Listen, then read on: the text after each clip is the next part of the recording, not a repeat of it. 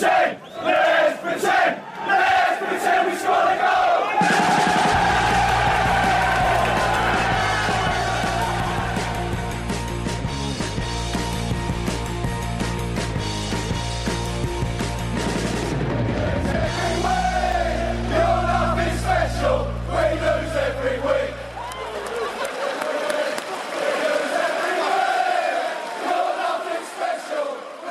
Hjärtligt välkomna hälsar vi då till Sportbladets Premier League-podd. Mitt namn är Patrik Syk. Med mig i vår lilla studio sitter Kalle Karlsson och Frida Faglund. Välkomna hit. Eh, Frida du var uppe och jobbade sent igår och diskuterade på Twitter om Manés röda kort hörde jag. Så att eh, vi, du ursäktar om du springer och hämtar en kaffe mitt under inspelningen här. Ja men vad skönt att höra. Vi kommer, vi kommer prata ännu mer om eh, Manés röda kort här om en liten stund. Mm, det hoppas jag. Eh, Kalle, har du, du har undvikit alla diskussioner. Det har ju varit eh, heta känslor kring det här som jag tycker är, inte är så kontroversiellt domslut ändå. Du har klarat dig Kalle? Ja, jag skickar ut på Twitter nu och efterlyste lite extra frågor här. Eh, Ja. Jag tror att du har fått flera redan. Ja, vi Men jag har- skickar lite till. Ja, vi Det har massor. Eh, nej men röda kortet, för mig är det såklart rött kort. Det är Ja. inget att snacka om. Eh, Vi återkommer till det, vi återkommer Ja, till det. okej. Säger vi. Ja, vi, vi måste börja med De Boer. Sen ska, vi, sen ska vi försöka dissekera det här röda kortet lite grann, en gång för alla. Så- Jävla spoiler jag gjorde nu alltså. Det är okej, Ja. det är okej. Vi Eh, vi, vi, vi pushar framåt. Ja okej. Eh, kan vi säga. De Boer fick-. De Boer fick sparken. Det var ju ganska väntat på något sätt ändå. Man trodde inte, alltså jag kände, jag kände på med, de här rapporterna som hade kommit ut att eh, Steve Parrish och hans relation liksom inte har funkat från början. Ehm, jag vet inte om jag läst om de här 30 namnen på en lista som de hade som förslag och att det till slut landade i De bor. Eh, det var liksom inte klubbens första val. Eh, de, han kom in som att han skulle då stå för en evolution av klubben, att, man, att han lite långsamt skulle liksom förändra eh, stilen istället så kom han med en revolution så som eh, klubben inte egentligen var det de ville ha. Eh, men då har, har man ju scoutat lite dåligt också om man plockar in en sån eh, kille som Frank de Boer med en sån tydlig eh, modell av hur hur han vill spela fotboll. Det har i alla fall inte funkat och kicken fick han. Mm. Vad var din eh, första tanke Frida? Eh, min första tanke var nog att eh, innan Burnley-matchen eh, så tyckte jag det kändes mer som att han kunde få sparken. Jag tyckte ändå att den matchen, även om de förlorade så kändes det ändå som ett litet fall framåt.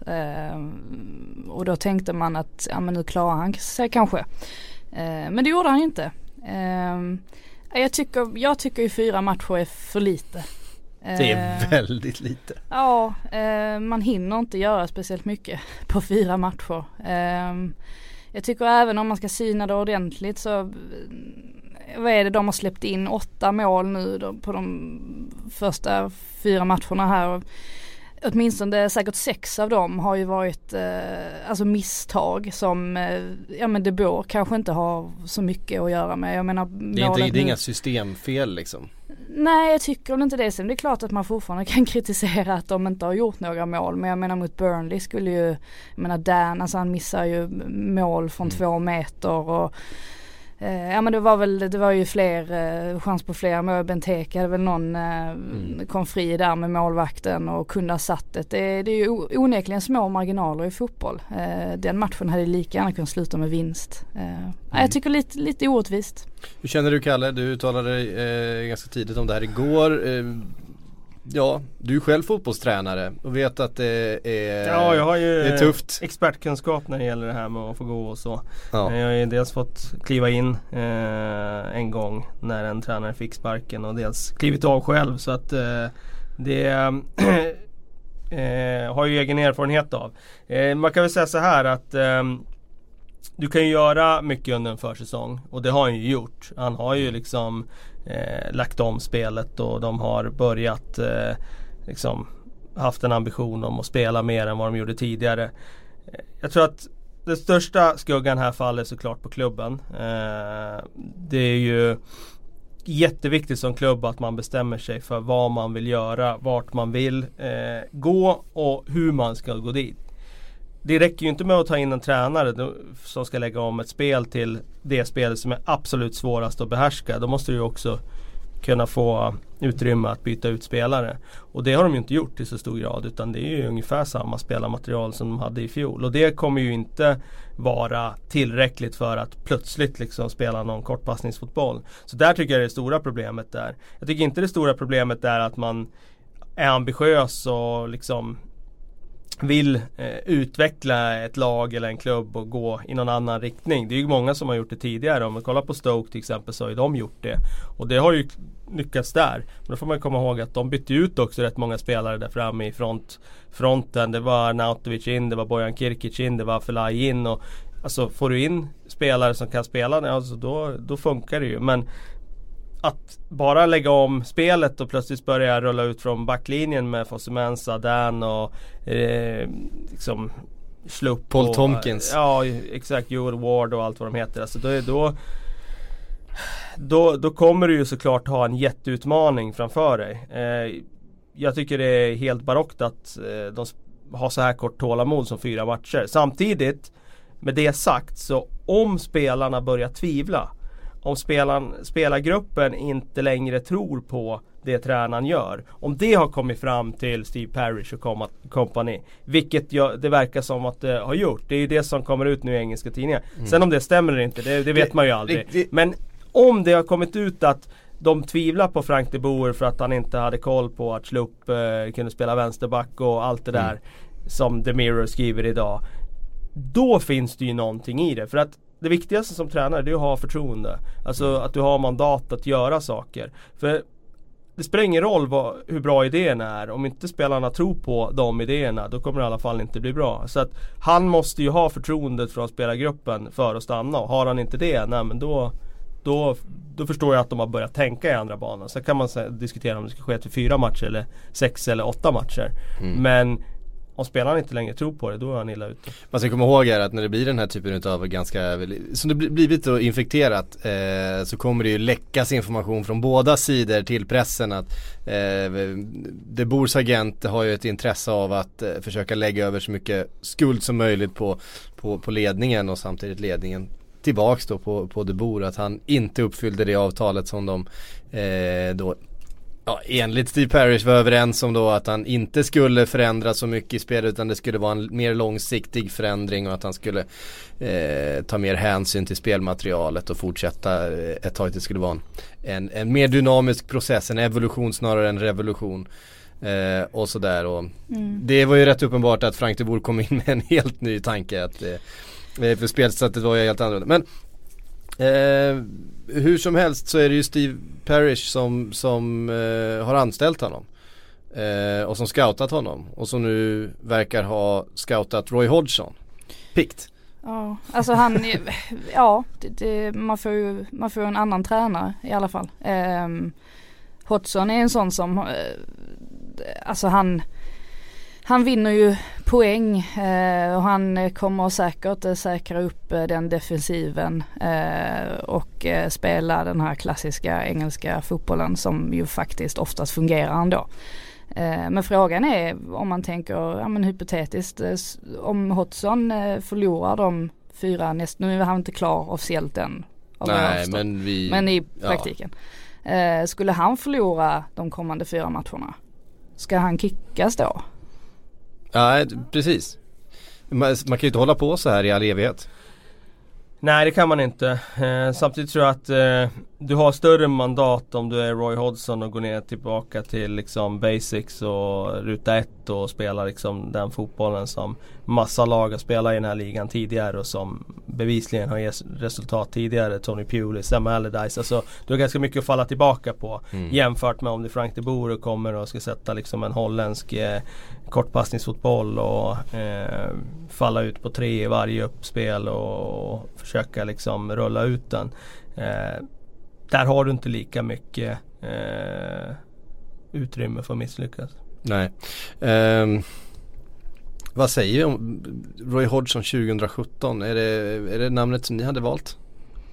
Um, alltså jag, jag, bara, jag bara känner så här spontant. Det känns som att Europa är fullt utav duktiga eh, fotbollstränare och managers Alltså tränare som inte nödvändigtvis har en, har en som väldigt utpräglad eh, possession-fotboll och så vidare som Frank de Boer men, men duktiga meriterade fotbollstränare som skulle eh, kasta sig över det här jobbet. Känns inte Roy Hodgson som en otroligt svag scoutning bara? Alltså det är ju eh, en viss typ av namn som alltid blir aktuella som krisdoktor. Eh, det var ju Tony Pulis som var nummer ett här för några år sedan. Det var alltid mm. hans namn som flög upp. Du hade Sam Allardyce, du hade ett par till. Alan Kerbersley dök ju alltid upp. Fick aldrig något jobb dock men dök alltid upp i snacket. Men Joe Kinnear. Det, ju, det beror ju helt på vad du, vad du vill. Nu verkar ju liksom Crystal Palace har gått från ett långsiktigt tänk till det absolut mest kortsiktiga tänket man kan ha. Eh, man tar in en tränare som har blivit i åren som bara ska rädda skeppet nu. Mm. Och om man bara ska rädda skeppet här för stunden då tror jag absolut att Roy Hodgson skulle kunna vara den som bara går in och okej, okay, vi sätter försvarsspelet och vi ska göra Vi ska vinna enkla matcher eh, med 1-0 liksom. Eller enkla matcher, vi ska vinna matcher på ett enkelt sätt, det var så jag menade. Mm. Eh, men det handlar helt om strategin från klubben. Det beror på vad... Jag tycker det är jättemärkligt att Steve Parrish väljer att bara helt byta strategi efter fyra matcher. Mm. Eh, och det är det som är problemet. Mm. mm. Det sägs väl också att han eh, tog det här beslutet redan efter eh, efter två, tre omgångar att han liksom redan från början kände att det inte skulle fungera. Då har man ju inte riktigt gjort sin... Ja, det har ju rapporterats att relationen mellan Steve Parrish och Frank de Boer har varit dålig från början liksom. Att de, de har aldrig riktigt lyckats, nej de har inte synkat, de har inte haft samsyn på vad, vad Crystal Palace liksom, hur projektet ska tas vidare. Ehm, och det spelar ju förstås in här. Ehm, Steve Parish äger ju trots allt en del i klubben och, ja, och är ordförande. Eh, hans, hans ord är det som väger tyngst. Um, vi, uh, vi lämnar väl det bord där då. Uh, önskar honom lycka till i sin fortsatta fotbollsgärning. Uh, och så får vi väl se då, det är inte klart med Roy, Roy Hodgson sen men vi får väl anledning att till helgen uh, och till nästa vecka då göra en utvärdering på hur det här har ändrats. Vi får se ifall Benteke får börja träna lite hörner nu då. Det, ni kommer ihåg geni, ja. genidraget från EM när eh, Harry Kane, Harry Kane plötsligt skulle slå hörnerna och alla undrar vad fan det var frågan om. Eh, det har vi inte fått svar på eh, vad tanken var där än så länge. Det är fortfarande obegripligt. Um, Vidare till helgens eh, stormatch får vi väl säga då. Manchester City-Liverpool som eh, ja, hade ju en incident som vi redan har nämnt. Som har blivit liksom den största snackisen den här helgen. Och det är ju det röda kortet på Sadio Mané efter att han ja, helt enkelt eh, fotat målvakten i nyllet. Eh, för det gjorde han ju.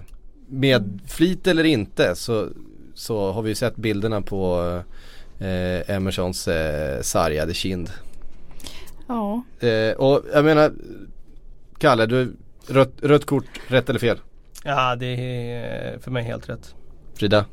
Det är helt rätt för mig med efter ja. att ha läst igenom regelbok och Alltså det, det är många, alltså Gary Neville har varit ute och sagt att det ska inte vara rött och till och med Klattenberg har varit ute och sagt att det där ska bara vara gult. Men någonstans så i det läget uppe på den höjden där, där Alltså det är inte så att huvudet är nere vid knähöjd eller så Så måste du hålla koll på dina dobbar. Du har väl ett ansvar för dina dobbar när du går in i situationen. Är du då tvåa in i situationen oavsett vad uppsåtet är och du faktiskt träffar.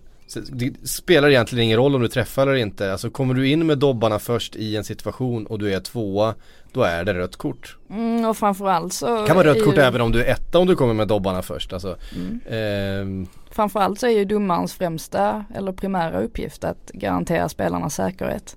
Mm. Eh, och då som du säger då spelar det ingen roll om det är avsiktligt eller ej.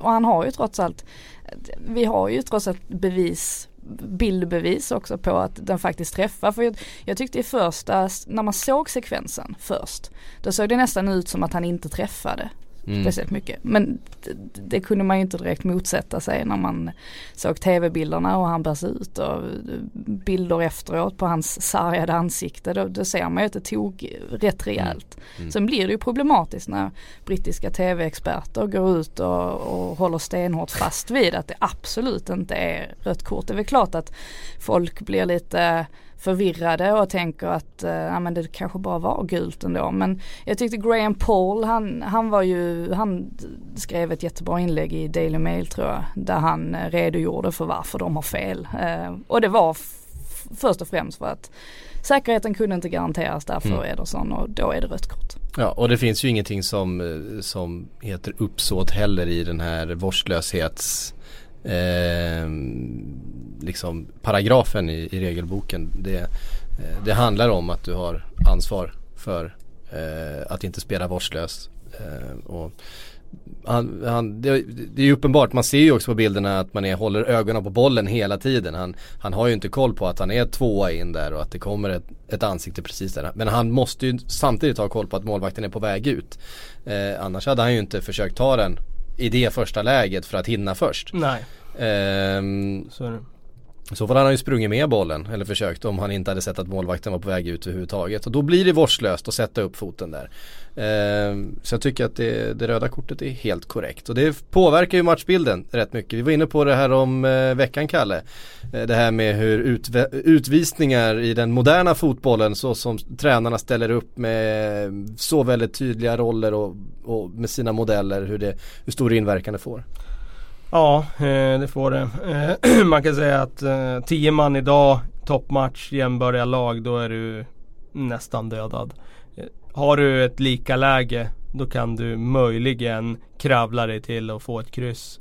Eller att du kanske får en fast situation eller någonting och så plötsligt har du vunnit matchen. Men att eh, liksom fortsätta spela som man gjorde förut och liksom matcha ett lag det, det är nästan omöjligt idag. Mm. Och där fick vi också ett bevis på, lite prov på vad Manchester City kan göra med ett lag eh, som är lite des decimerat, eh, håglöst. Eh, och då blir man straffad. Ja och sen att det är Mané också som ju trots allt har varit mm. Liverpools bästa spelare de här eh, inledande omgångarna. Eh, och sen rinner det väl iväg där lite på slutet i och för sig men, men City är ju, är ju starka. Eh, mm. Det har vi ju sett. Det är ju verkligen det laget som man absolut inte vill, vill få en utvisning mot. Eh, så är det ju. Ja. Ehm, och så visste vi ju innan att Liverpool inte är ett lag som försvarar sig speciellt bra. Eh, i, i, största allmänhet, det är inte där styrkan ligger eh, hos laget. Utan, eh, ja, så att det var en, eh, till slut en, skulle jag säga en ganska eh, rättvisande bild, eh, 5-0. Ja, som det utspelade sig till slut så blev det ju det. Sen mm. är det ju små marginaler. Jag menar, Liverpool tycker jag började den matchen bra. Och det finns ju såklart, som det nästan finns i alla matcher, någon slags annan historiebeskrivning. Matchen mm. går till ett vägskäl och sen beror det på vilken väg den tar. Mål förändrar matcher som Erik Hamrén alltid sa. Och det kändes som att eh, när målet kommer så kommer utvisningen då, alltså då är det finito. Mm. Um, Manchester United uh, som ju hade gått rent de tre första omgångarna. Ehm, tog sig an det som många liksom ansåg lite grann var det första testet för dem. Borta mot Stoke. Det är ju den, det är ju den klassiskt svåraste matchen. det vet vi ju. Ehm, och jag tyckte nog att Manchester United såg lite mindre rörliga ut just i den här matchen. Det, var, det såg lite svårare ut, det såg lite trögare ut. Man kom inte riktigt upp i den kvaliteten som man haft i inledningen. Eh, hur mycket det är Stokes förtjänst och hur mycket det är bara det faktumet att man kan liksom inte hålla högsta nivån konstant uppe en hel säsong bara. Det, det kommer dippar. Jag tror det är sistnämnda faktiskt. Mm. Att eh, det kommer vara ups and downs för alla lag och så bra har inte Manchester United blivit en sommar så att de bara plöjer på och gör det match efter match efter match och bara spelar ut lag utan det kommer vara sådana här eh, dagar också. Mm. Mm. Och eh, Choupo-Moting Tvåmålsskytt. Han hade en sån där dag. ja vi pratade om honom tidigare. Ja. Jag tycker att han någonstans tar ju tillbaka Stoke till gamla Stoke. För han är ju stor och stark och han bufflar och han är eh, jobbig när eh, bollen kommer in i straffområdet. Och eh, han kan göra mål på huvudet och han kan göra mål genom att Även faktiskt säga liksom han kan ju när han har sin dag, som han har ibland som Mm. har sagt. Då kan han ju dessutom faktiskt lura försvararna med att dribbla också. Det har jag sett i Bundesliga tidigare. Så att ehm, han eh, har ju gett dem tyngd där framme och ehm, han, eh, han var väldigt svår att hantera för Phil Jones i den här matchen. Mm. Bailly också för den delen. Ja, darrigt eh, försvarsspel minst sagt. Det är ju, det är ju eh, gyllene läge för Lindelöf nu att kliva in i Champions League och leverera och kanske ta en eh, plats där. Eh, nej men som sagt Jones där, han, han känns ju verkligen som att han har eh, han kan ha höga toppar men han kan också ha djupa dalar. Och i det här fallet så hade han en liten, en liten dal. Eh, sen vet jag inte, alltså Mourinho var ju uppenbarligen inte nöjd med, med matchen. Det, såg man ju. Eh, men han får trots allt en poäng med sig. Eh, så han kanske ska vara ganska nöjd ändå. Va, vad säger ni om den eh, nya heta tränar, eh, tränarrivaliteten då? Eh, Hughes och Mourinho. Han knuffar ju honom. Eh, Hughes går över, han är ju inne i Mourinhos område och ger honom en knuff. Så får man Men inte har- göra. Har inte de där varit lite tidigare Jo, också? de har- de har bra- de har Redan när. Hughes var i Blackburn, var det inte liksom lite hett redan då? Man ska komma ihåg att, att Mark Hughes inom, i engelsk fotboll är, är ju en, ett väldigt stort namn. Alltså vi tycker att han är bara är tränare för Stoke och så vidare. Men jag menar, Fruktansvärt bra när han var spelare. han var, ju, han var ju en superstjärna en gång i tiden och, och han har ju en, själv en ganska hög svansföring liksom efter sina eh, han är väl en av få som har spelat både El Clasico och, och ehm, Manchester Derby och så vidare i sin, som spelarkarriär, i, under sin spelarkarriär sådär.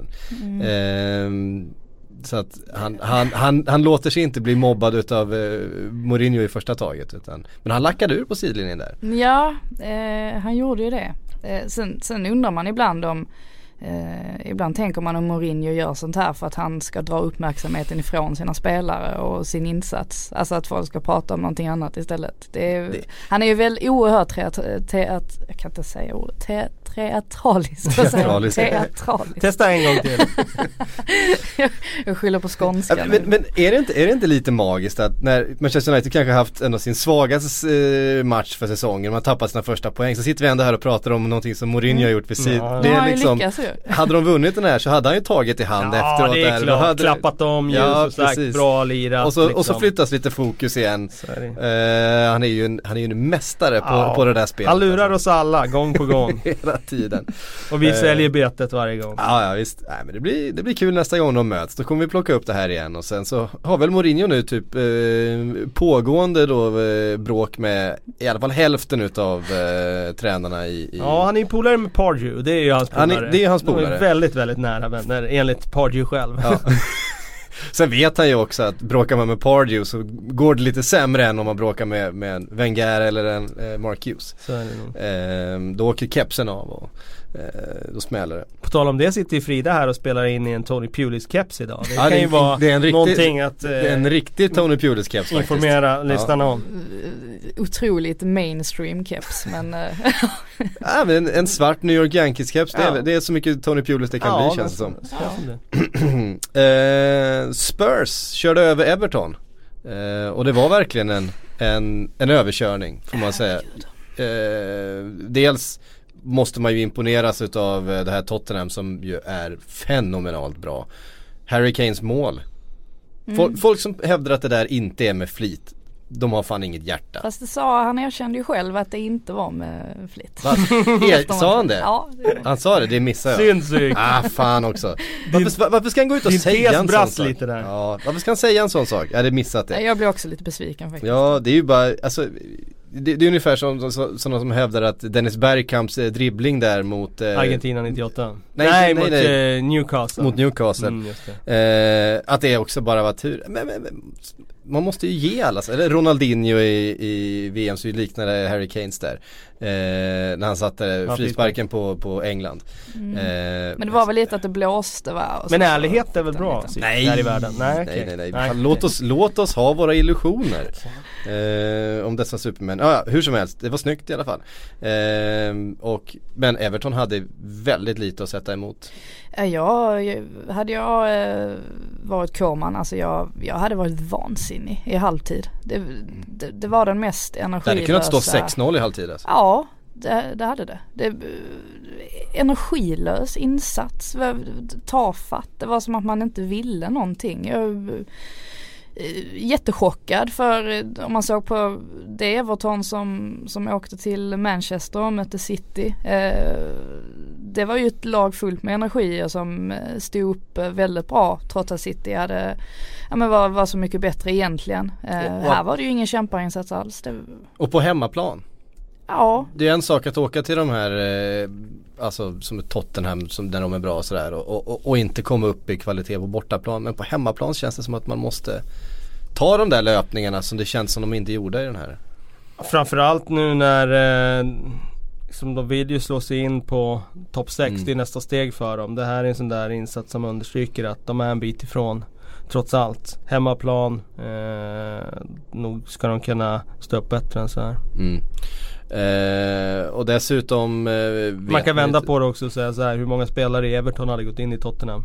Nej det är, Ju, det är ju ingen. Noll. Eh, verkligen, det är ju ingen som hade tagit en bänkplats. Nej. Ja, eh, det är möjligen där kanske. Ja, för att Tottenhams bänk är rätt svag. Ja, exakt. men eh, men eh, man imponeras utav, utav Tottenham igen här alltså hur de lite tidigare den här säsongen då. De har ju haft lite svårt att komma igång de senaste säsongerna under, under Pochettino. Varit lite svagare på, på hösten men nu ser de ju sådär bra ut igen som Alltså de gjorde under, eh, under våren eh, bland annat där de mm. såg nästan oslagbara ut i, i perioder. Eh, det var inget snack här, de var aldrig hotade i den här matchen. Nej det var nog skönt för dem också för mm. den här vinsten. Med, med tanke på just då starten eh, på Wembley och sådär. Komma därifrån lite, ta en tre, stark trepoängare. Det tror det bådar ganska gott då inför nästa eh, omgång. Mm. Eh, och kul också, Kane kommer igång i september. ja nu är augusti över så att nu kan han börja göra mål. Ja, eh, det enda var väl Ali tyckte jag som eh, mm. missade lite för många lägen som han faktiskt brukar sätta. Det mm. var väl i så fall det minuset man kan eh, lyfta fram. Ja, han, han, har inte sett, han har inte riktigt hittat eh, toppformen än eh, den här säsongen. Han, han, är ju involverad i allt, det är ju sådär. Han ja. är ju där och eh, är på allt. Men var han inte lite trögstartare i fjol också? Jo, jag har för mig det. Eh, så, vad, är han, vad är han, 21 år gammal? Så att det, det är klart att han, han har inte hittat sin, sin eh, kontinuitet kanske eh, helt och hållet. Men han är ju väldigt viktig för det här laget. Intressant med Tottenham nu som förlorar hemma poäng. Men borta är, går de rent. Mm. Uh, Wembley-spöket. Ja precis, vi fick in det i det här avsnittet också. Vi får se, det blir ett jättetillfälle för dem nu här mot uh, Dortmund i Champions League här och skrämma mm. iväg det här spöket en gång för alla. För det känns ju som det alltid har funnits, eller har funnits längre i Europa än vad det funnits i, mm. i ligan. Ja. Um, Arsenal studsade tillbaks mot ett svagt Bournemouth. Uh, man undrar lite vart det här Bournemouth-laget ska ta vägen. Om Eddie Howe ska få ordning på grejerna eller om det rent av är Eddie Howe som är nästa man ut. Det börjar ju surras om det också. Ja, vilket är sjukt. Vilket är sjukt med tanke på vad han har gjort för Bournemouth ja, och med tanke på hur han har byggt allt det här Helt sjukt. från grunden i stort sett. Ja. Mm. Ehm, ja, det, ja. Jag, tror att, jag tror att det är lägst odds av alla tränarna i Premier League just nu på Eh, det var Billage men efter segern igår så, så, tror jag att han eh, passerade Howe. Så Howe är den som har lägst odds just nu och var nästa manager ut. Alltså det kommer ju bli tufft där i botten. Eh, mm. Och då ser det ju inte jätteljust ut för, för Bournemouth. Eh, för jag tror att Crystal Palace är en sån klubb som ändå kan rycka upp sig eh, och klara nytt kontrakt. Ja du tror på Hodgson alltså? Ja men givetvis, han, kommer, han kommer inte släppa in några mål liksom. då, då kan man säkert plocka dem med, mycket, med, mycket, Scott, med Scott Dan i den här storformen, du tror att han eh, inte släpper in mål då alltså? Ja, Benteke får liksom pricka målet han också. Eh, nej men då tror jag att de kan klara kontakt. Bournemouth är ganska lite förvånad ändå av att de är så bleka mm. som de, de har alltså Brighton hemma i nästa omgång. Snacka om mm. ödesmatch för deras del. För sen går de ja. på Everton borta, Leicester hemma, Tottenham borta, Stoke borta och Chelsea hemma. Usch. Den är inte kul. Nej det är inte många poäng där. Ja det är liksom kommande sex matcherna, eller fem matcherna efter Brighton. Ja. Mm. Ja, det är, vi, vi har en situation oh. där man efter, efter tio matcher skulle kunna stå på men det gör de ju inte. De tar ju någon poäng här och där. Jag menar de var jättenära på att ta poäng från, av City. Så det är klart ja. att snart kommer de 8 poäng. Det är små marginaler. De släpper in ett mål mot City i 97 minuten eller 98 till och med. Mm. Som tar på någon försvarare och Mm. går in. Det hade varit en framgång. Såklart Ja, att kryssa mot verkligen. City och då hade Howe haft ett helt annat eh, ja, eh, förtroendekapital. Så det Vi Mm. återkommer till det där. Det är små marginaler. Ehm, debut för eh, Renato Sanchez i Swansea i helgen. Det var hett omskrivet. Ja, Det var verkligen. inte, inte riktigt det som Swansea-supportrarna hade hoppats på från stjärnförvärvet. Nej, eh, han var inte alls bra och eh, man måste också ha förståelse. Det är första matchen och Och det är en han är väldigt ung, ung han kille är ung, liksom. Det han är, är- håsad och det blir mycket press på honom. Så att, och det är en jävla skillnad att leverera i ett Benfica som fungerar och komma till ett dysfunktionellt Swansea och in och rodda det där mittfältet. Det, det är en ganska tuff Mm. uppgift. Så den är ju lätt att vara efterklok nu kanske men han eh, med facit i hand så skulle han kanske inte ha startat matchen. Mm. Eh, Det hade kanske varit bättre att startat med Boni istället som ändå har så pass mycket Premier League erfarenhet och sen slänga in Sanchez eh, närmare mot slutet. Men det, som sagt det är ju lätt att sitta och, och säga men vad är det han har gjort? Han har gjort två träningar tror jag innan matchen. Eh, Så att ja, Jag bara säger det, det lät som att jag trodde att han kom direkt från Benfica till Swansea nu. Det vet jag att han inte gjorde. Jag bara säga det för, det. för, för, före ni börjar skriva till mig på Twitter. Eh, var senast han var bra, senast han fungerade i ett lag. Eh, eh, Swansea ser också ut att eh, fortsätta sin eh, kräftgång. alltså, de har ju inte sådär superbra material ska vi Nej. ju understryka. De Vi hyllade vara- deras, deras eh, sista vecka i, i, på transferfönstret här. Eh, när de Ja. fick in eh, Sanchez och Bony och Sam Klukas. Mm. Eh, och det är ju värvningar som kommer göra dem bättre sett över säsongen. Men frågan är om det räcker till om laget i övrigt ändå trots allt är för svagt för att orka hänga kvar en säsong Det till. blir ju undre halvan eh, utan tvekan och det blir ju det var ju med, eh, med liksom ett nödrop botten- de höll sig kvar botten- förra... Bottenfemman tror jag fortfarande att de tillhör. Samtidigt finns det finns ju några plankor nu i den här ligan så att det är Mm. möjligt att de kan klara, kravla sig upp från det. Vi har ju förtroende för Paul Clement så att eh, Mm.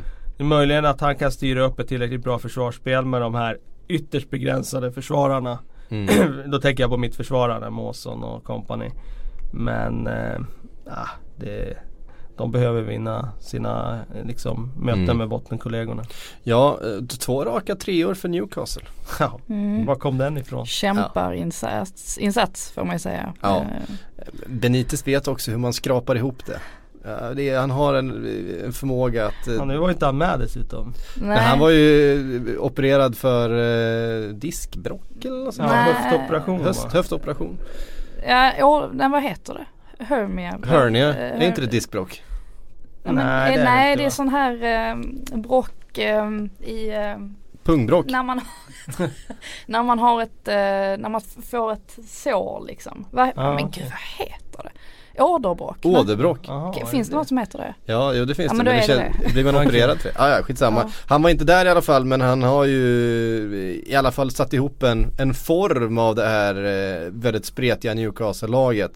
Eh, som har börjat vinna fotbollsmatcher. Vi får se hur länge de håller ihop. Det har inte varit eh, det tuffaste absolut motståndet i de här två. Nej jag Senaste vågar inte, eh, vågar inte Vi ropar inte några- hej. Nej verkligen inte. Eh, det är intressant det där med hur det svänger fort. Jag menar efter premiären mot Brighton där, då var de ganska sågade. Mm. Både här och där och, och många som dömde ut dem. Men eh, det, det kommer nog vara lite upp och ner nu. Nu är det Bournemouth vi är på och hackar och snart kommer de och Mm. kanske har klättrat, vi vet inte. Eh, nu är Kjellvi tillbaka från sin avstängning till nästa omgång. Bara en sån sak. Ja. Eh, då är det hemma mot Stoke. Då Äntligen. kan det bli, kan det bli nya tuffa tag eh, där på mitten. Det ser vi fram emot. Eh, Quality sleep is essential for boosting energy, recovery, and well being. So, take your sleep to the next level with Sleep Number. With a Sleep Number smart bed, you can individualize your comfort level and enjoy a better sleep night after night. JD Power ranks Sleep Number number 1 in customer satisfaction with mattresses purchased in-store. And now the Queen Sleep Number C4 smart bed is only $1,599, a saving of $300 only for a limited time. For JD Power 2023 award information, visit jdpower.com/awards. Only at Sleep Number stores or sleepnumber.com. West Ham var ju det andra krislaget verkligen. Eh, Slaven Bilic ute i, eh, i riktigt blåsväder. Tog tre väldigt viktiga poäng igår kväll eh, mot Huddersfield. Mm. I en väldigt regnig match och med ett helt sinnessjukt tempo. Eh, jag tror inte jag såg en enda boll slå, en, liksom en vanlig bredsida i sidled. Det existerade inte. Det var Fram och tillbaks, fram och tillbaks, fram och tillbaks. Det var väl när Huddersfield fick bollen några gånger så de försökte dra ner på tempot för de var ju absolut inte med i första halvlek. Nej. West Ham var ju överlägset och eh, Det var ju verkligen tydligt hur mycket mer tyngd de fick där framme när de fick in Andy Carroll när de kunde stå och lyfta långt. För det gjorde de ju hela tiden. Alltså, han måste ha haft tre touch med fötterna i första halvlek och 18 med huvudet. Eh, och man ser ju också hur, hur svår han är att hantera. Mm. Visst, de gjorde inte mål i första halvlek. Men just den där orosmomentet av att du vet som försvarare att du kommer inte vinna den här duellen. Nej. När den kommer där. Och så kommer det löpningar in bakom. Och, Och, och Ma- Michael Antonio tillbaks då från sin ganska allvarliga skada har ju liksom bara Jag vet inte vad han har gjort under den här skadan. Han har ju tränat teknik i alla fall för att Vilka dragningar och vilket tempo han spelar i nu. Han är ju lite lurig sådär. Han kan ju, alltså han är ju bra på motläggsfinter och sådär men Ja. eh, eh, Nej men jag håller med, han var bra igår. Eh, Mm. Och snabb, alltså han har inte tappat någon speed Nej, på, på den här eh, gjort faktiskt. För att han, han eh, Han ryckte förbi några gånger. Ja, sådär, alltså jag vet, vad, nu kommer jag inte ihåg vad högerbacken i, i uh, Huddersfield heter det. Men jäklar vad han uh, hamnade på efterkälken vid ett par tillfällen när uh, Antonio var över på den kanten och ja, bara sprang ifrån honom helt enkelt. Ja. Eh, nej det var ju en väldigt förtroendegivande insats från West Hams del. Alltså dels att eh, Huddersfield skapade ju ingenting i första halvlek. Nej. Så de hade ju kontroll bakåt och nu stod ju de där fyrtornen där bak med Mm. Collins och Reed och, och Fonte och liksom stod som Mm. någon slags eh, försäkring där. Och sen att de fick den här tyngden framåt. De skulle ha gjort 1-0 före paus. Med Alltså. Chicharito har ett, Ja. han har helt, han missar ju normalt sett, alltså han sätter ju 99 sådana av 100. Ja. Sen måste jag säga att jag tycker mittfältet med Obiang och Kouyaté, de körde ju faktiskt över Huddersfield i den här matchen och eh, Obiang tyckte jag var riktigt bra. Och eh, ja men ja, vi, är, vi får inte räkna ut West Ham här trots en sta, stark start, eller riktigt eh, jobbig start. Utan de har ett ganska gediget lag nu med Carroll på plan. Mm. Jag tyckte det var rätt intressant när eh, Bilic bytte ut eh, Chicharito och hur publiken eh, buade och blev totalt vansinniga. Sen var det ju uppenbart ett genidrag eftersom att André Ayew kommer in och avgör Avgör matcher. matcher, ja. ja. så det var ju de blev väl glada i slutändan i alla fall. Viktigt också tror jag att, att få igång en sån som André för Ja. vi vet ju att han har väldigt hög högsta nivå och, och att han är en sån här, eh, vad ska man säga, en stimspelare. Att han, han kan ha ett stimmatcher då Mm. han gör poäng på nästan allt. Att det, liksom, det bara sitter i krysset för honom. Mm. Ehm, och kan man få igång en sån spelare i liksom en, ja, en sån formtopp då är det ju ganska många poäng man kan han kan rädda åt ett lag. Mm. Ehm, Smekmånaden över för Huddersfield också. Eh, Ja det- lite grann så. Mm, Det var ju lite som att eh, se en nykomling eh, spela Mm. fotboll igår. Sa- samtidigt under de här förutsättningarna ehm, Just med, med vädret att det blev så väldigt högt tempo det, det passade liksom inte Huddersfield, de hade inte Man såg ju Moy försöka verkligen, han, han eh, han vinner ju mycket boll och han är ju där och, och de försöker kortpassningsspela men, men eh, bollen glider iväg för snabbt och man och, och West Ham är där och så fort det liksom blir när, närkamp och så skickar man upp den på Carroll och så får man eh, jobba hem istället för att kunna jobba med sin, eh, med sin press. Ehm, Och det krävdes ju en jäkla slump för att de skulle få hål på dem. Alltså det där första målet är ju ren tur. Alltså ändra riktning, studsar in, stolpe in. Eh, de är fortfarande svåra att göra mål på. mm. Så någon slags sådär ja, de är de, de, dis- disciplinerade Ja, i sina verkligen. defensiva omställningar. Ja, mittbacken Schindler som eh, Jag tycker han gjorde jättebra igår igen. Mm. Eh, Jag gillar Lössel i mål också. Lussel är fantastisk Ja. i mål. Ehm, Jag tror inte Bilic ska andas ut riktigt än alltså. Det är, visst det var en stark trepoängare men eh, jag tror att han kan ligga riset på det i alla fall. Ja, ehm, mm, mm, mm. det var den senaste omgången det. Har vi plöjt igenom det mesta tror jag.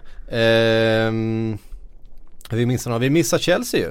Eh, och Morata som fortsätter göra Missar du Chelsea igen? Var det missar inte- Chelsea igen, det var förra veckan också. det hela tiden. Nej jag vet inte vad det är frågan om. Du får notera Eh, Chelsea i dina papper där. Ja, ja, men jag har ju skrivit upp dem här, jag bara springer vidare.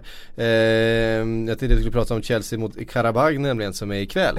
Men vi kan väl prata om, framförallt om Morata. Och det här, eh, alltså vi vet ju vilken duktig huvudspelare det är. Ja. Men, eh, men han gör ju så fort bollen kommer in i straffområdet Känns så är han ju där. Han vinner Mm. ju varenda, varenda löpning in där och är först på bollen. Eh, otroligt imponerad.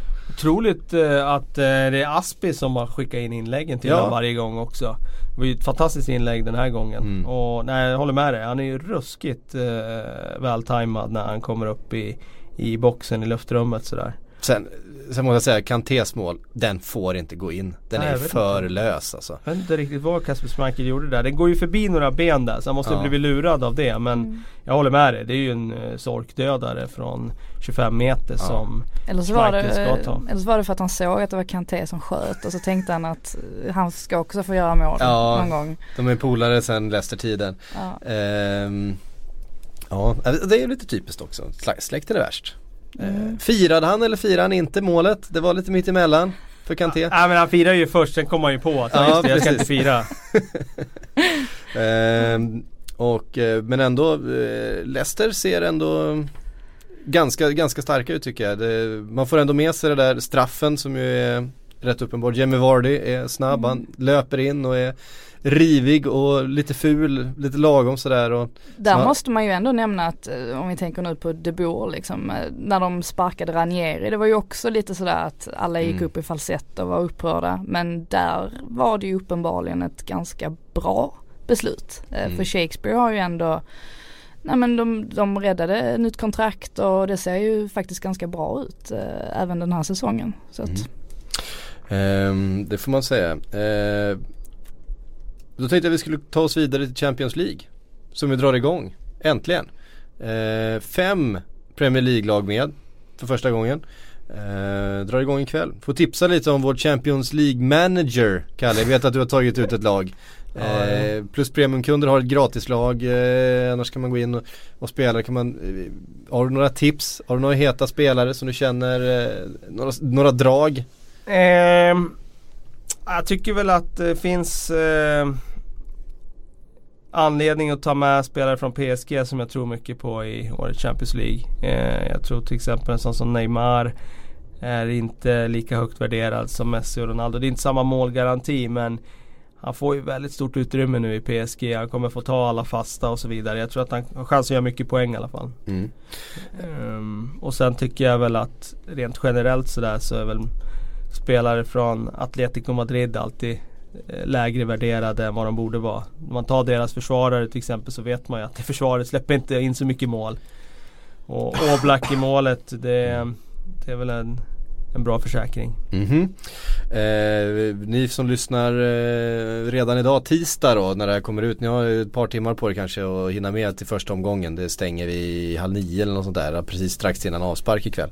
Eh, så då kan ni gå in och knoppa ihop era lag och leta upp eh, Kalle Karlsson vi en liga som vanligt. Ja, eh, chefen vill ju att man ska ha en egen liga där vi tävlar om en iPad till vinnaren. Så att Ja. ja, eh, ja kan man göra. Det är helt klart värt. Helt klart värt. Jag är med där också. Eh, jag kommer alltid sist. Så, eh, det behöver man inte oroa sig för att eh, man ska liksom få stå ut med den, den smärtan för där, där finns jag. Um, ikväll så är det Chelsea Karabag och eh, United mot Basel. Eh, tankar om de två matcherna? Hemmamatcher, skönt att börja hemma. Ehm, Ja det är det ju definitivt. Och, två lag tillbaka i Champions League efter en säsong utanför. Mm. Ja, Jag tycker väl Karabach det är ju IFK Göteborgs eh, det, det såg man ju när de möttes. Det, var, det är ju ett sånt lag som man inte riktigt har koll på kanske. Eh, Ingen svensk och så minns jag att IFK Göteborg åkte dit och eh, de spelade på den sämsta gräsplanen i, i, i historien liksom och Mm. förlorade och åkte ur. Eh, så det är nog inget lätt, eh, de är nog inte lätta att scouta det, det tror jag inte. Eh, men det är ju givetvis Samtidigt. Det är ingen drömresa för scouten att åka bort dit och, och men kolla. det är ju givetvis en match de Chelsea ska vinna såklart. Det är ju Eh, hemma, hemma på Stamford Bridge. Hemma, det är ju är, det där att borta i resan är så jobbig och lång. Det är ju Mm. det som är, men annars det är ju klart att det är en drömmotståndare. mm. ja. Eh, I men- Uniteds fall måste vi ju nämna Lindelöf.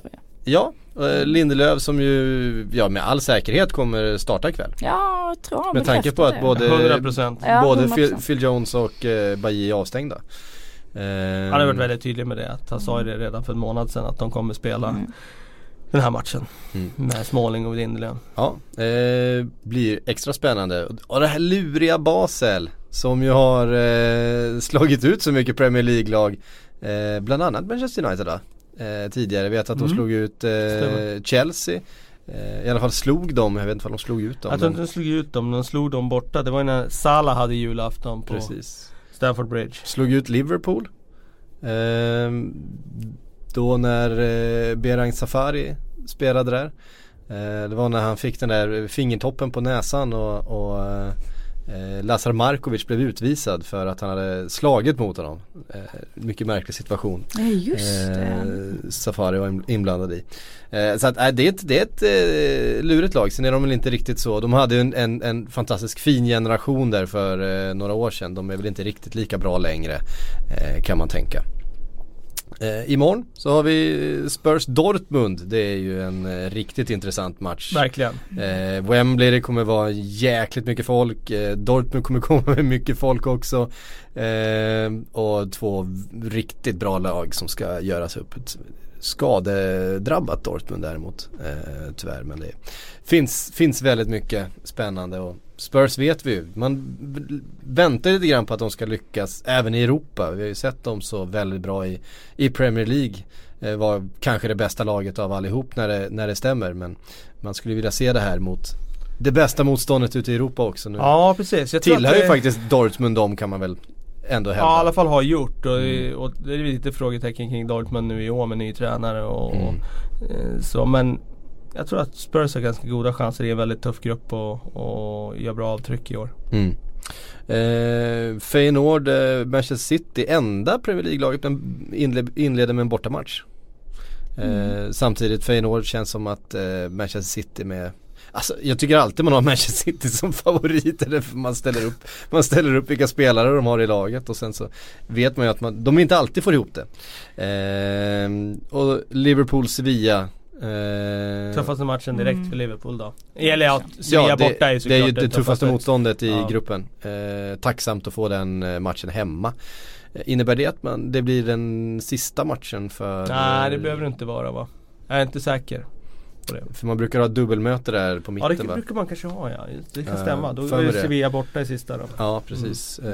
Eh, Men då är gruppen redan avgjord om det går enligt Psyks planer här. ja, det kan ju mycket väl bli så att det blir eh, match om vem som vinner gruppen. Så kan det vara. Eh, och det brukar ha ganska stor betydelse för eh, fortsatta utflykter om man eh, får möta en grupp 1 eller en grupp 2 i, i, i nästa omgång. Ha, eh, det var Champions League det. Vi har en, eh, jo Kalle, du, jag vet att du har suttit och knåpat ihop ett eh, plusknäck om eh, spelare att hålla utkik efter eh, den här säsongen. Var- som kan slå igenom. Ja, doldisar som kan slå igenom, inte nödvändigtvis bara liksom eh, juniorer utan men även alltså spelare som har möjligheten här och, och eh, som är spännande som man ska hålla lite utkik efter. Ja, men Jag tänkte du skulle få ta en. Eh, bara som en liten tease så får man gå in och läsa det, ditt dokument här då sen för att det blir, Ja, ser jag mycket fram emot. ett, ett fläskben här. Ja, så precis. Att, eh, jag släpper Oliver Burke då från West Bromwich. Eh, Just det, skotten. Skotten, eh, ung ytter som eh, väldigt teknisk, eh, väldigt duktig offensivt. Eh, har fått några inhopp nu i inledningen av Premier League. Tyvärr faktiskt drog han en hamstring i, eh, eller han, jag vet inte om den brast men han eh, klev i alla fall av B-lags eh, reservmatchen här med, med en tight hamstring. Så att eh, Lite frågetecken för han närmsta veckorna här men jag tror att på sikt här så är det en spelartyp som eh, West Bromwich behöver och som de kan få stor nytta av. Jag tycker att just på ytterplatserna har de väl kanske inte haft riktigt den där kreativiteten sen Sessignon var där, sen Callum McManaman var där. Eh, jag tror att eh, Burke eh, skulle kunna vara en sån där liten joker för dem. Ja, eh, ovanlig karriär på honom också. Från eh, jag var, han slog igenom uppe i något League One-lag uppe i norr va? Var det så? Eh, tror det och sen via eh, RB Leipzig då liksom eh, och sen till West Brom. Det är en, en speciell eh, resa verkligen. Håll utkik efter det dokumentet, det kommer finnas massor med, med kul namn och lite, så här, lite, lite annat att hålla utkik efter. Eh, vi har fått en massa frågor som vanligt, vi har fått en på Facebook från Håkan Hallberg. Eh, han frågar dig Kalle Karlsson. Mhm. Eh, borde inte Mourinho fortsatt med en eh, 4-2-3-1 mot Stoke istället för att byta till 4-3-3? Det saknades mycket rörelse i anfallet och spelarna såg inte bekväma ut. Eh, kan, det bara, kan det vara så att Herrera för, rörde till på mitten och tappade dem i anfallet? Ehm, ja, nu ska vi ju veta att 4-3-3 och 4-2-3-1 kan ju vara i princip samma sak med små gradskillnader. Ehm, men jag förstår ju vad han menar. Herrera kom ju in, han har inte startat tidigare och jag vet inte riktigt varför den förändringen gjordes. Det fanns ju ändå en Eh, alltså andra val att göra om man nu eh, vill ha upp Pogba ett steg. Var, varför det i så fall. Eh, så att ja, jag, jag var också lite förvånad över den förändringen. Samtidigt så kommer vi säkert se den fler gånger den här säsongen. Eh, jag har svårt att se att, att Matic och Pogba startar varje match eh, som sittande. Liksom. Mm. Ehm, Anders Törnvall eh, skriver eh, 19 år sedan Ljungberg till Arsenal. I vilket lag hade han passat bäst idag?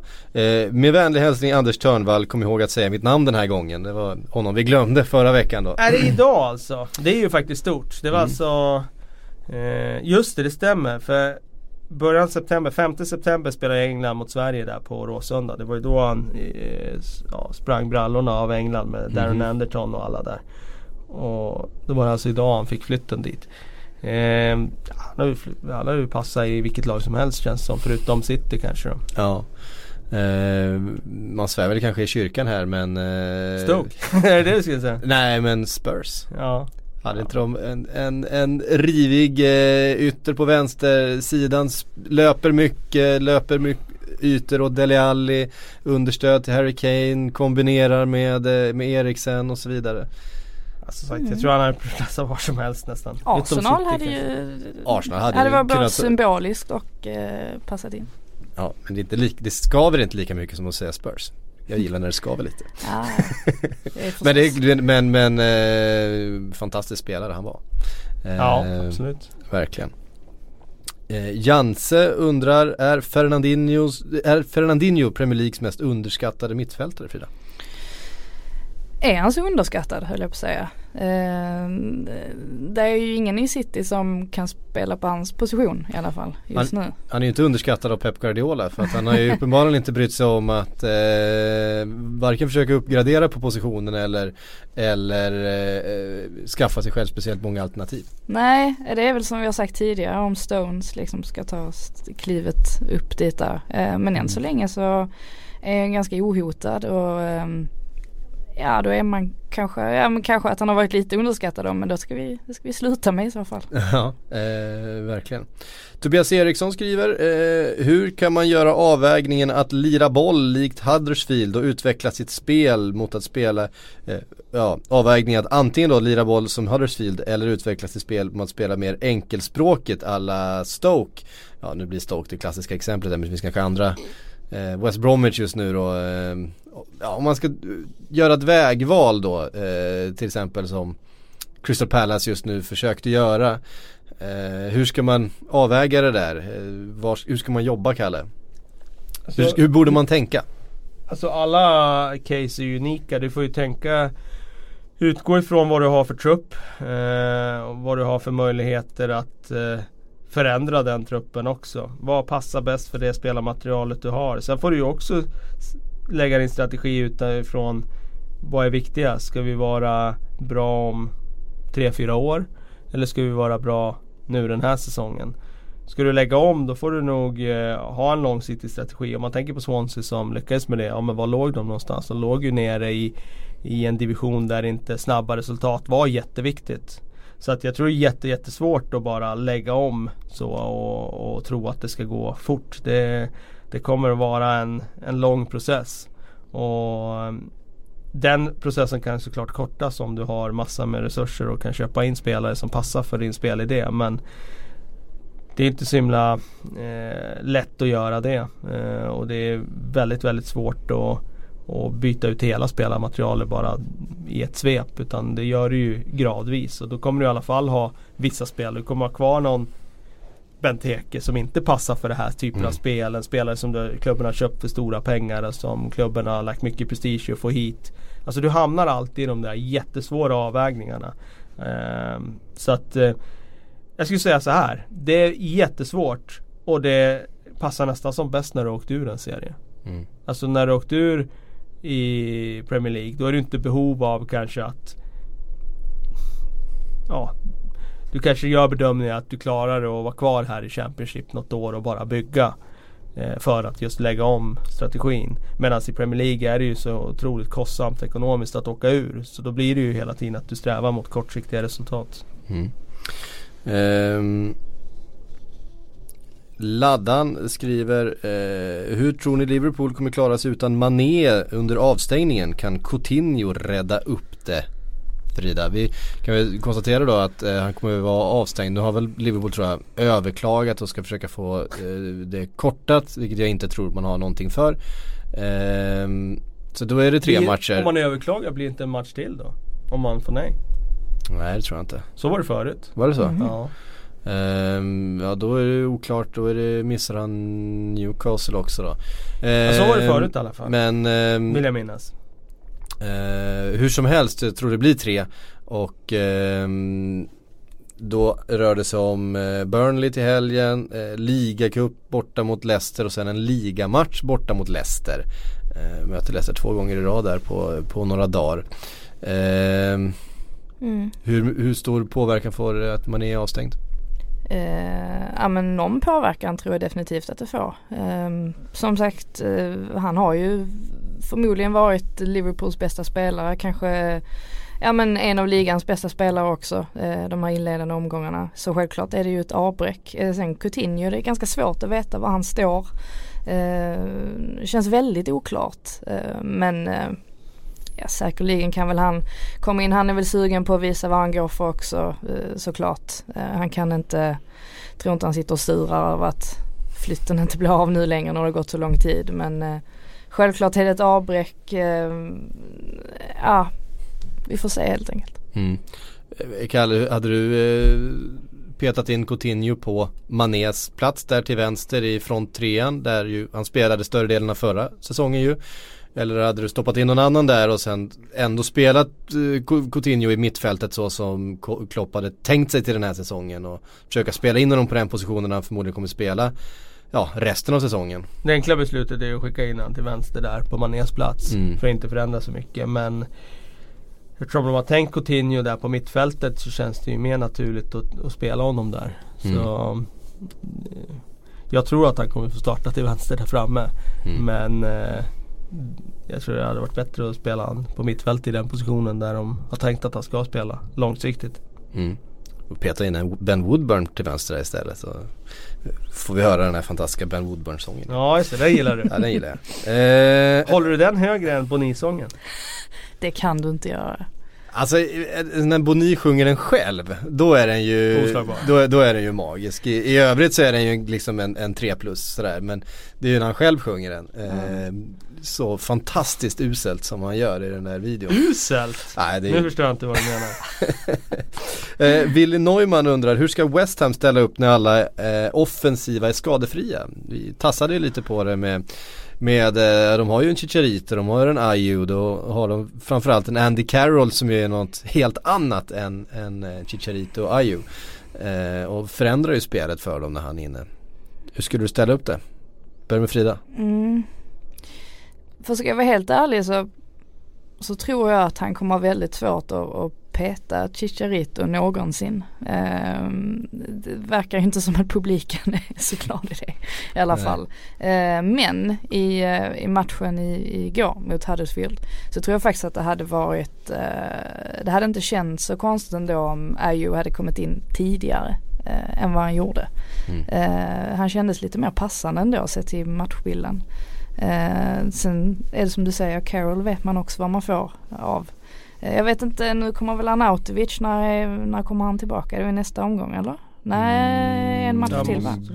Eller? Ja, en match till. En match till av sig. Ja. ja. Mm. Mm, det blir ju också en... Det är rätt mycket offensiv kraft där alltså han har att laborera med. Han kan ju spela Antonio som wingback till höger. Det som är problemet Fan, då är är han, ju- då är han wingback igen. liksom. Ja, det som är problemet då är att då kommer han inte in i boxen. Nej. Och det är där han är som bäst. Ja. Det är där han ofta är på rätt plats och det är där han har någon ot- otrolig förmåga att få en tå på bollen. Eh, Carroll är ju liksom deras referensspelare där framme så han går ju inte att, att röra. Och sen blir det ju nästan en fråga kring vad vill du ha runt omkring honom? Vill du ha en Arnautovic som kan gå runt och slå inlägg till honom? Eller vill du ha Chicharito som jobbar på andra bollarna i straffområdet runt omkring honom? Jag tror att eh, Chicharito till slut kommer hamna eh, på en bänkplats. Och det beror på att Carroll är för viktig för dem. Mm. Och Chicharitos position är inte att vara ytter. Eh, utan hans position är att vara inhoppare och komma in och kanske starta ibland och spela längst där framme. Men kan de inte spela med två anfallare då? Att de, de har ju en, uppenbarligen en big man, och en little man. Eh, det såg vi ju igår också, de spelade tillsammans. Att, ja, Chicharito gick ju på alla bollar, så fort bollen kom eh, upp mot Kjaer så stack han ju liksom ytan för att eventuellt få en, en skarv ner eller på en andra boll liksom. Det är klart att de kan göra det. Men det är ju det där som blir det svåra pusslet då. För att om du skickar fram två centrala anfallare då, då, då har du två alternativ. Antingen 4-4-2 eller så är det 5-3-2. Och just Mm. nu har han ju byggt på tre mittbackar. Så då måste du antingen ta bort en mittback, göra bedömningen att du klarar dig med två mittbackar där. Det kanske du gör. Eh, men ska du då ha två mittbackar och du ska ha två forwards då har du ingen centralt överläge på mitten längre. Alltså det, det blir alltid den där balansgången. Eh, Det är filten. Ja, Det är filten exakt. som man, inte man fryser täcka- antingen om tårna eller om så näsan. är det ju. Så är det ju. Ehm, men ehm, nej, jag tror nog att han fortsätter med 3-4-3 som det såg ut igår såg det väldigt, väldigt bra ut. Och jag tror att på sikt så kan det drabba Chicharito oavsett vad publiken säger. Mm. För mig är ju Chicharito en bänkspelare. Alltså han är ju en perfekt inhoppare. För han är ju alltid livsfarlig när han kommer in från bänken. Däremot tycker jag ofta han är begränsad i allround-spelet när han startar matchen. Mm. Det var ju det, det var därför han, han inte var tillräckligt bra när han var i Nej, United. jag tyckte man såg igår också att han droppar ner ganska djupt i banan ibland och ska kombinera och hämta boll och där är han ju inte Där är han ju inte så bra. Eh, så han, han, han, man får inte ut så mycket utav honom när han är nere där och ska liksom vända bort spelare i, på mittfältet och det, det känns som att det inte är hans styrka. Eh, Daniel Blomqvist skriver, borde byten som orsakas av skador från motståndare inte räknas på laget, inte räknas på lagets tre byten, till exempel Ederson i helgen. Ehm, alltså det där, men, Det, det blir konstigt alltså. för då kommer ju någon fejka en skada Ja, liksom eh, istället för att det inte ska kosta ett byte. Exakt. Och det är det som Det är väl det som eh, är invändningen emot det. Men det känns ju orättvist. Det känns orättvist men det är ju lika för båda och det har varit så i alla tider och jag, jag har sällan upplevt det som ett jätteproblem utan det är nästan en sån här grej som det tillhör spelet. Mm. Och det är en extra sådär du vet när du står och ska göra det tredje bytet och det är Så att det är 20 minuter kvar. Då finns ju alltid den där risken att Sen har det ju laborerats med extra byte just för målvakt. Ja. Eh, nu finns ju tre längre men det har ju funnits tidigare att man har haft tre plus ett. Ja, Eh, alltid haft möjligheten att byta målvakt. För det gör man ju normalt sett inte om det Nej. inte är en så är skada. det. Ehm, Ja det är ju mer vettigt i så fall. Faktiskt. ehm, just för att det, det får ju också Ja. väldigt stor ja men det skulle jag kunna på, köpa. på, 3 plus 1. påverkan. Eh, finns Men det ligor som har 3 plus 1 eh, Ah, fortfarande? Det, det vet jag inte. Det har jag inte hört talas om. Däremot är det intressant just det där med byten, hur det har förändrats. Jag menar, det var ju väldigt länge på vår tid Patrik, eh, var det ju två byten Ja. som gällde. Precis. Och går man tillbaka på våra föräldrars tid eller lite innan det, då var det ju inga byten. Nej. Blev någon skadad, då var Ja, det då- shit happens. ja, precis. Alltså, ja. Eh, ja, det, det, det var hårda bud. ja, det var hårda bud. Ja. Hade inte jag kunnat få avsluta med en kul grej som jag läste i natt? Jag, jag kör på. Kör, kör. Det är ingen som hindrar dig. Nej men det är en lite, lite så här rolig fråga, se om ni tar detta. Det är Ja. en spelare i Premier League som har debuterat för två olika landslag. Båda gångerna debuterade han mot Sverige. Åh shit, det här har jag läst. Det är rätt, Åh. eh, jag, det är rätt sjuk grej. Ja, jag har faktiskt läst det här men jag kommer inte ihåg vem det var. Han debuterade Eh, alltså först för ett landslag och bytte ja, sen ja, till ett precis. Ehm, mm, mm, mm. Jag kommer ihåg att vi skrev den här när han gjorde det andra gången nämligen. annat. Mm. Ehm, men jag kommer inte ihåg varken vilket landslag det var eller vilken spelare det är. Ena gången var det ju på Friends Arena, ett möte. Och andra gången var det i ehm, den här fantastiska januariturnén. Fantastiska januari. Ja. Ja okej, nej jag Nej, jag tar den inte. Saha. Ja, Wilfried Zaha! Det var rätt roligt bara att det var Sverige båda gångerna och då Ja. tillhör han alltså först England och sen ehm, Elfenbenskusten. Elfenbenskusten. Precis. Det var lite, lite, Just det, det stämmer. Han, han debuterade då eh, eh, på den här jubileumsmatchen när Zlatan Ja. gjorde eh, fyra mål. yes. Eh, det, var inte, det var flera stycken debutanter då vill jag minnas för det engelska landslaget. Shawcross Ja. var ju med Ryan. Shawcross hade ju ingen kul kväll. Ja herregud. Han har inte, han har inte ens fått, han har inte fått ett enda telefonsamtal från FA sedan dess. Nej, Zlatan dödade hans landslagschanser. Ja det får man verkligen säga. Och Wilfried Zaha, det stämmer. Mm. Eh, den, var, den, den är lite speciell. Var han. Just när han byt, bytte landslag, eh, lite, inte helt okontroversiellt sent i, eh, i livet också. Mm. Eh, ska vi hinna med någon fråga till? Ja, kör lite frågor. vi, eh, vi tar en eh, från Erik Byman. Eh, han har tydligen ställt den här tidigare, eh, han provar igen. Tillväxten på engelska tränare. Tänker eh, främst på Jody Morris som gjort det sjukt bra i Chelsea. Eh, någon slags assisterande där då. Eh, han U21 eller vad han är? eh, Jody Morris. Ja den gamla försvararen där. Ja. Nej, Eh, mittfältare var han. den Som... som, vad fick jag för mig att han var försvarare? ehm, annars så finns ju de här brorsorna som eh, tränar eh, Lincoln City just nu. Har ni läst om dem? Ehm, Nick och Danny Cowley eh, som ju tog Lincoln City till kvartsfinal i eh, FA-cupen förra året. Mhm. Och eh, de vann ju då National Conference och gick upp i League 2 med Lincoln City för första gången eh, klubben gjorde det på, på länge. Och är väldigt omhuldade. De är ju ett tränarpar, de är bröder. Eh, så att de, eh, det är inte så uttalad eh, första och andra tränare utan de är tillsammans. De gör det här som ett, som ett par. Eh, två unga killar med en eh, liksom väldigt eh, liksom egen framarbetad spelmodell och filosofi och kör stenhårt och har varit väldigt framgångsrika då med Lincoln City. Så där där vet jag att de är väldigt, eh, det är många som håller ögonen på dem just såklart nu då. två Att, bröder, eh, det, Ja men Graham Potter har du ju såklart. Mm, Och Graham Potter. precis eh, Mm. Eh, som eh, såklart nu har eh, gjort avtryck på en nivå som gör att eh, det blir ännu mer aktuellt om det sparkas någon tränare här. Men jag tror ju ändå att i hans fall så det är Swansea som ligger närmast i hans. Och nu har de på, fått in Paul Clement som har Mm. ganska mycket förtroendekapital efter att han räddade dem i våras där. Så att det är ju inte aktuellt just nu.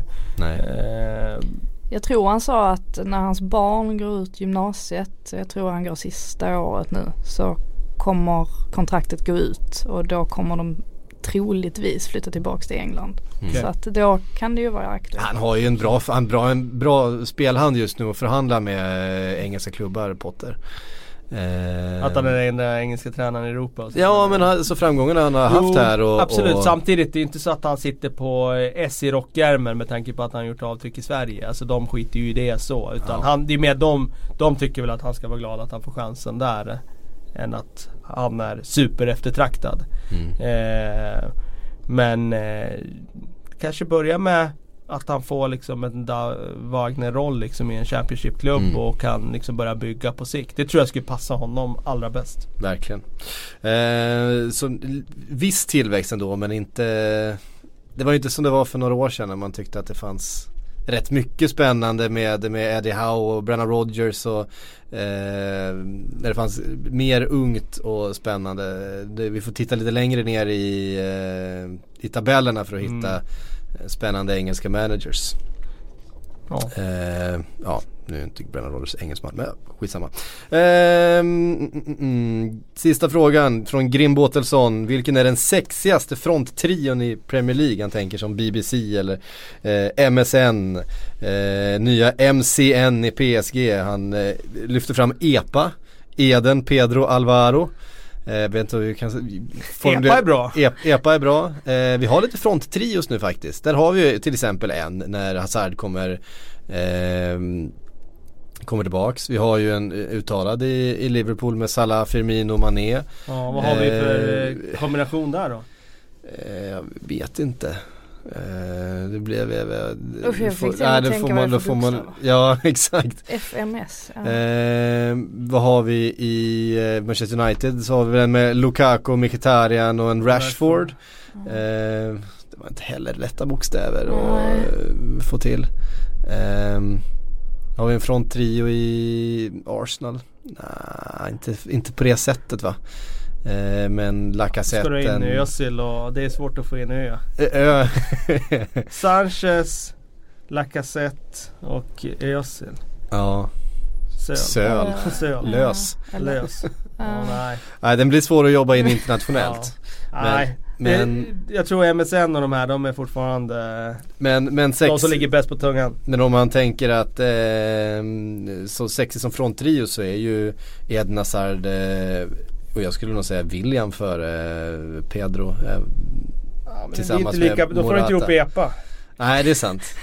Men, då För det var ju det han tänkte på antar jag, när det handlade om just bokstavskombinationen. Ja, men man får in ett W, det är lite coolt. Mm. Ja, nej, du får fundera på Ja, det vi, till får, nästa vi, vecka. vi, vi, vi får jobba ihop där. Hörde ni, tack för att ni har lyssnat. Tack Frida, tack Kalle för att ni kom hit. Vi hörs om en vecka igen.